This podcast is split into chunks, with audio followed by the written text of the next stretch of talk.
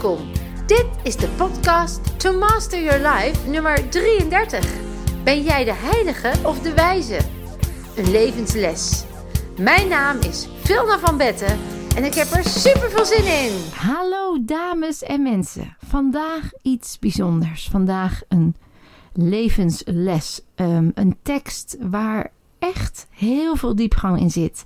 Dat kan leiden tot uh, stof tot nadenken, waarin je tot een dieper bewustzijn met jezelf kan treden en een transformatie kunt maken. Het is een uh, sutra en een sutra zijn eigenlijk mondelinge of schriftelijke overgeleverde teksten, een leertekst uit het boeddhisme en het hindoeïsme.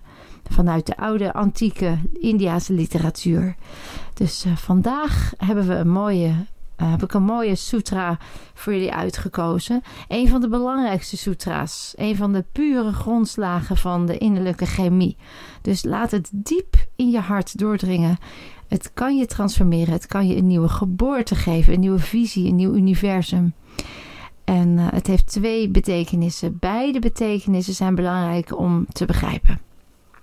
Daar laten we beginnen. De eerste betekenis die je dient te begrijpen is dat er twee soorten getuigen zijn. De ene soort zijn de mensen om je heen. Je bent je er voortdurend van bewust dat je gadegeslagen wordt waargenomen. Het creëert je zelfbewustzijn in jou. Vandaar dan ook de angst dat wanneer jij op het podium tegenover een grote menigte staat, Acteurs ervaren dat, dichters ervaren dat, sprekers ervaren het. Niet alleen de beginnelingen, maar zelfs zij die hun hele leven met toneelspelen uh, hebben ingevuld. Als zij het podium opkomen, dan kan nog steeds dat enorme beven en die zenuwachtigheid in hen naar boven komen. Grote angst. Of ze wel kunnen klaarspelen wat ze willen, of ze het wel goed doen. Dus dan ben je constant bewust dat je gadegeslagen wordt en waargenomen. En als er dan zoveel ogen op je gericht zijn, dan word je eigenlijk teruggebracht tot een object. Je bent niet meer een subject, je bent eigenlijk een ding geworden.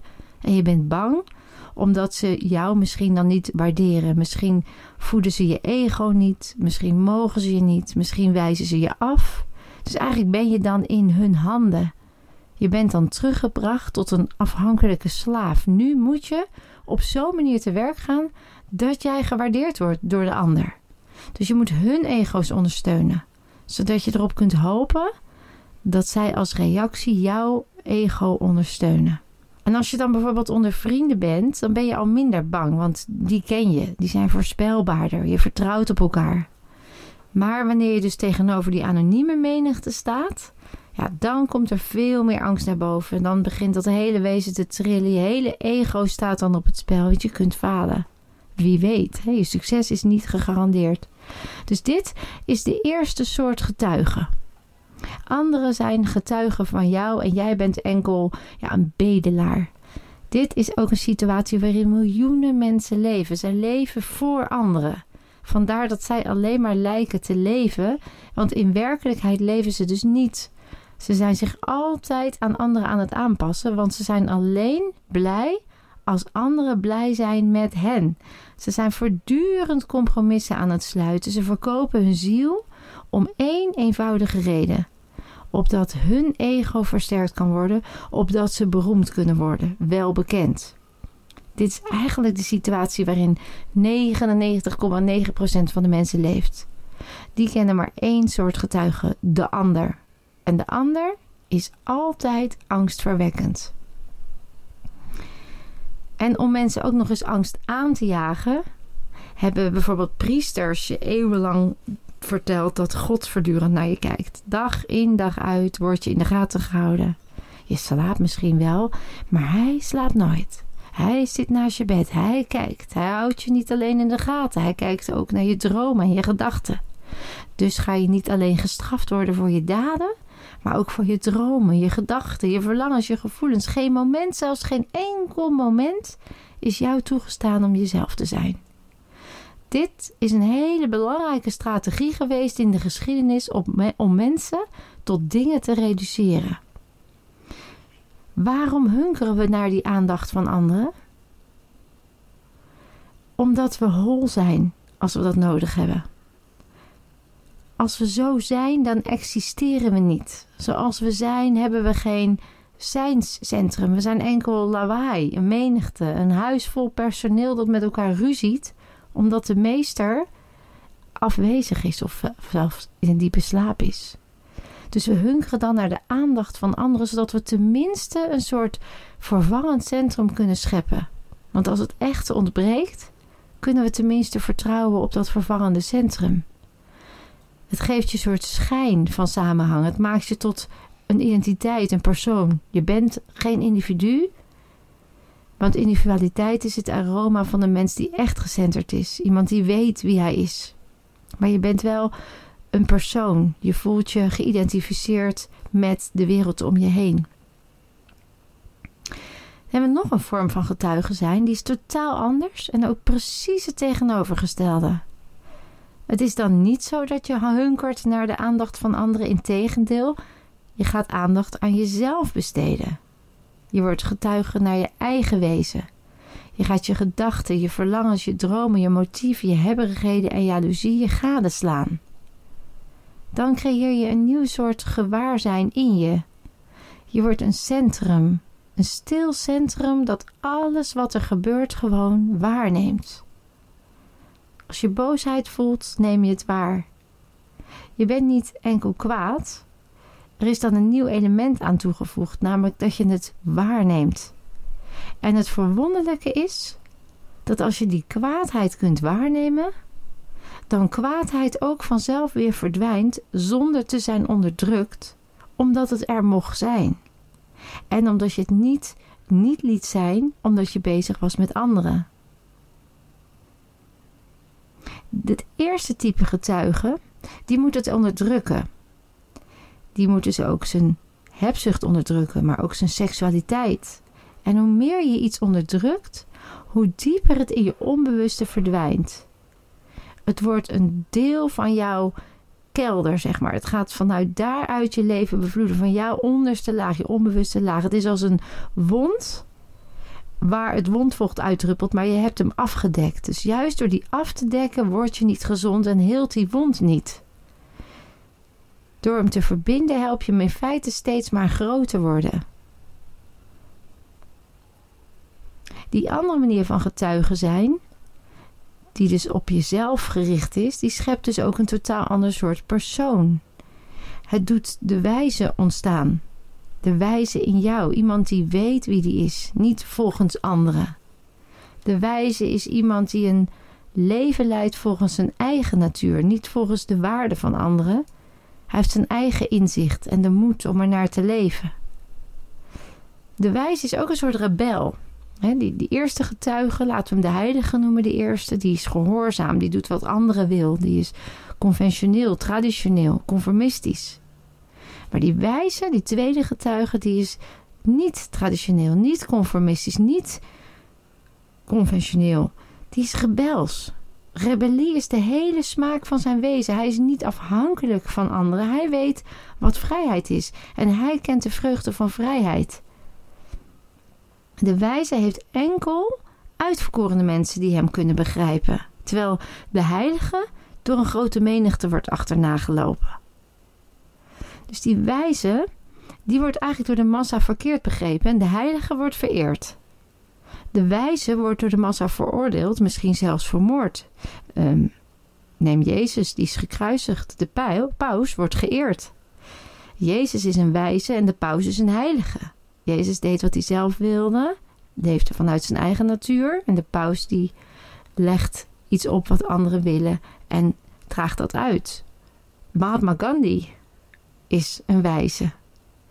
Moeder Teresa is een wijze. Mensen die vanuit hun eigen natuur een route opgingen die anders was dan wat men daarbuiten wilde dat je deed. De heilige heeft dus karakter en de wijze heeft bewustzijn. En er is een enorm verschil. Ze zijn zo verschillend als hemel en aarde. Karakter wordt om bepaalde verborgen motieven afgedwongen om in deze wereld achtenswaardig te verkrijgen en steeds meer hemelse genoegens te verwerven. Maar bewustzijn, dat heeft geen toekomst, geen motivatie. Het is een vreugde in zichzelf. Het is niet een middel tot een doel. Het is het doel op zichzelf. Dus bij een heilige in de buurt zijn, dan ben je eigenlijk bij een imitator in de buurt. Bij een wijs in de buurt zijn, dan ben je bij iets waarachtigs en authentieks. Bij een heilige in de buurt zijn is, nou ja, bij een leraar op zijn hoogst. Maar bij een wijze zijn, dat is bij een meester zijn. Dit zijn de twee getuigen. Het principe van de twee getuigen. En de les van vandaag is om de eerste te vermijden en je te storten in de tweede, in de wijze. Maar aan deze sutra zit nog een andere betekenis. En de andere betekenis is: wees eerst getuige van de objecten van de mind. Het is eigenlijk nog een hogere betekenis dan de eerste. Wees getuige van de objecten van de mind. Dat doe je middels meditatie. Wees getuige van de inhoud van de mind. Sla alles gade dat aan je voorbij gaat zonder waarderen, oordelen of veroordelen. Wees er niet voor of tegen. Sla alleen maar gade. En dan is meditatie geboren. Wees getuige dus van de getuige zelf. Dan zal de hoogste extase ontstaan. Begin met je eigen gedachten gade te slaan. Maar stop daar niet. Wanneer gedachten verdwenen zijn, denk dan niet dat je er bent. Want er moet nog iets worden gedaan. Nog één stap. Want sla dan de waarnemer gade. Wees nu enkel getuige van de getuige. Er is niets anders meer, alleen jij bent er. Word plotseling alleen maar bewust van het gewaarzijn zelf. En door je mind gade te slaan, verdwijnt de mind. Door getuigen gade te slaan, breidt de getuige zich uit en wordt universeel. Eerste is een negatieve stap om de mind kwijt te raken. Het tweede, dus getuigen van de getuigen, is een positieve stap om geworteld te raken in het hoogste bewustzijn. Noem het het goddelijke, nirvana, verlichting of wat je maar wilt. Ik ben heel benieuwd of jij kan resoneren met deze tekst. En ik hoor dan ook graag, zie ook graag reacties hoe jij deze zou kunnen integreren in je leven en of je er wat mee kan. Ik vind het heel belangrijk dat je steeds een shift in awareness met jezelf maakt. Dat je steeds boven jezelf uitstijgt door je bewustzijn gade te slaan en daaruit weer te leren om zo steeds in een hoger bewustzijn te komen. En onder andere tijdens mijn seminars zijn we daarmee bezig. Hè? Je maakt een soort reset door uh, je komt helemaal tot het diepste pure ik, waar de meningen van anderen niet meer belangrijk zijn, waar je op jezelf kunt vertrouwen, waar je vanuit je diepste zelf keuzes maakt die voor jou goed zijn en die de kwaliteit van leven hoog houden. Um, dus ben je oprecht geïnteresseerd en vind je het fijn om bij jezelf een shift in awareness te maken? Dan uh, kom gerust eens een keertje langs. Um, je kunt een keer een one-session coaching doen, waarbij je jezelf eens laat ervaren hoe dat voelt als je een shift doormaakt. Je kunt ook um, een keer een dagje komen om eens te zien wat een reset eigenlijk inhoudt en wat het voor jou kan betekenen. Of natuurlijk gewoon een keer lekker een weekje mee en jezelf eens helemaal onder laten dompelen in uh, alle technieken op het gebied van uh, het optimale uit jezelf halen. Waarbij je op vijf gebieden in je leven, zowel spiritueel, financieel, relationeel, professioneel en fysiek, dus even je bewustzijn gaat gadeslaan. Gaat opruimen wat niet meer handig is. En ruimte gaat maken voor wat voor jou wel dient. Ik zou het hartstikke leuk vinden als je zelf dat gunt. En uh, mocht je opmerkingen hebben of aanvullingen, dan hoor ik die natuurlijk graag. Dus uh, bedankt voor het luisteren weer. En je weet het hè, je kunt meer dan je denkt.